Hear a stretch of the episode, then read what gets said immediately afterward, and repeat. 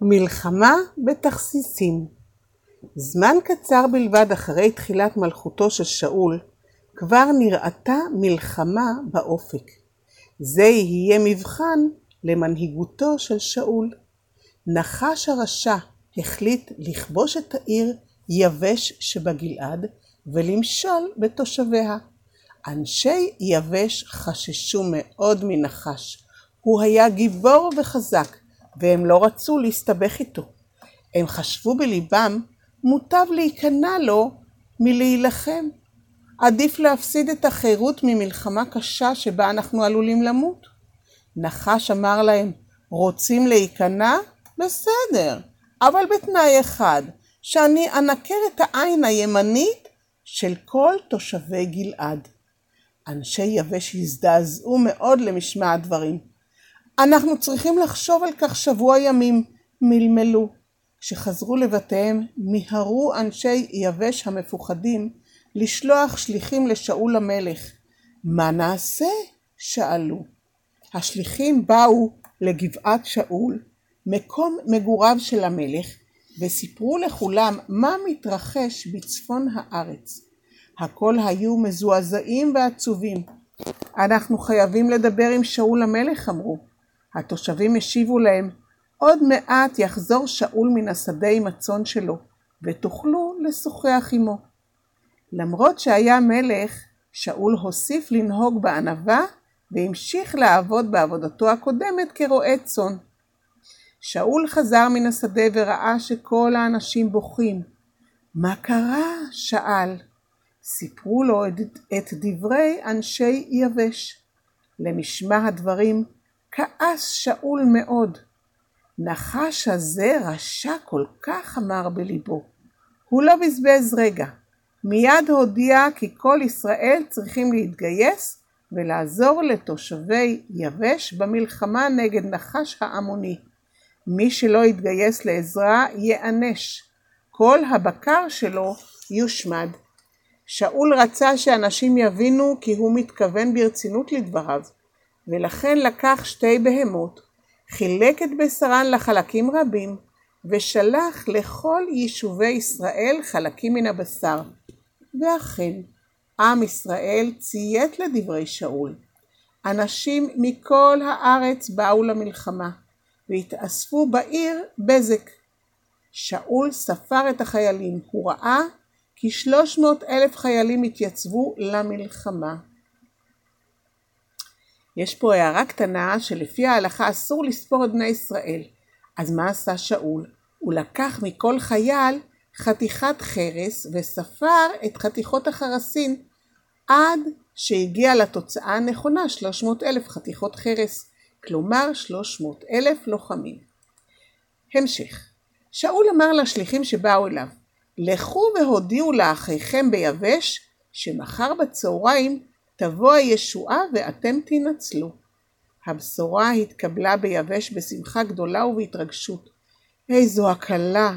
הם לא נשארו לבד, אחיהם לא הפקירו אותם לידי נחש האכזר. עכשיו חשבו בני ישראל על תכסיס מתוחכם נגד נחש. מה עשו? הלכו אנשי יבש והודיעו לנחש כי הם מסכימים להיכנע בתנאי שהציב להם. מחר יבוא לעירם ויעשה בהם כרצונו. מובן שלא גילו לו שצבאו של שאול ערוך ומוכן להפתיע את האורחים הלא רצויים. כשהלילה עדיין היה חשוך ובמזרח החל לבצבץ אור, הסתערו שאול ולוחמיו על המחנה של נחש שחייליו היו שקועים בשינה עמוקה. נחש וחייליו הופתעו לגמרי מהצבא האדיר שתקף אותם. שעות רבות רדפו שאול וחייליו אחרי צבאו של נחש עד צהרי היום הבא. החיילים המעטים מצבאו של נחש שלא נהרגו בידי שאול וחייליו ברחו מפוחדים ומבוהלים לכל עבר. הניצחון המוחץ הפך את שאול למלך נערץ על כל ישראל. כולם כיבדו אותו והעריכו אותו. הם ידעו כי יש להם על מי לסמוך. פתאום נזכרו באנשים שלעגו לשאול ודיברו בו רעה ביום מינויו למלך. בואו נעניש אותם, אמרו בני ישראל זה לזה, אבל שאול מנע זאת מהם. חלילה וחס, אל תהרגו אותם. היום יום מיוחד, היום זה, ביום הזה האלוקים הציל את אנשי יבש ואיש מהם לא נהרג. לכן לא נעניש את האנשים הללו. ובפסוק כתוב, ויאמר שאול, לא יומת איש ביום הזה, כי היום עשה השם תשועה בישראל. זה בספר שמואל א'. עם ישראל היה שרוי בשמחה גדולה. שמואל הנביא אמר לעם ישראל, הבה נלך לגלגל ונכתיר את שאול שוב למלך. גם הפעם שמואל שב ונזף בבני ישראל על שביקשו מלך נגד רצון אלוקים. הלא מאז ומעולם אלוקים שלח מנהיגים שהדריכו את עם ישראל והושיעו אותו מכל צרה.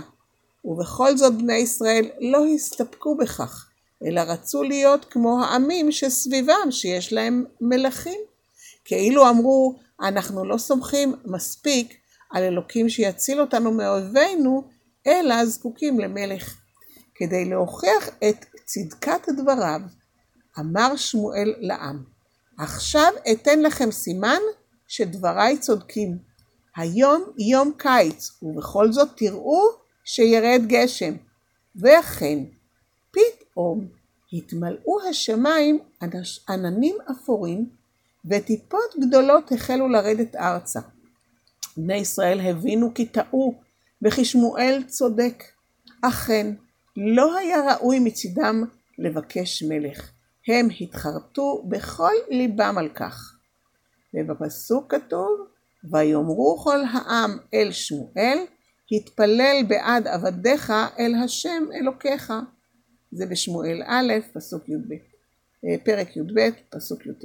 כל האנשים ביקשו משמואל שיתפ... שיתפלל לאלוקים שיסלח להם. שמואל הרגיע אותם, אלוקים לא יעזוב אתכם, וגם אני אוסיף להדריך אתכם בדרך הטובה והישרה. העיקר שתצייתו לאלוקים ותמלאו את מצוותיו באמת ומכל הלב. אל תסמכו על המלך בלבד. אם חלילה תחטאו לאלוקים, המלך לא יוכל להציל אתכם.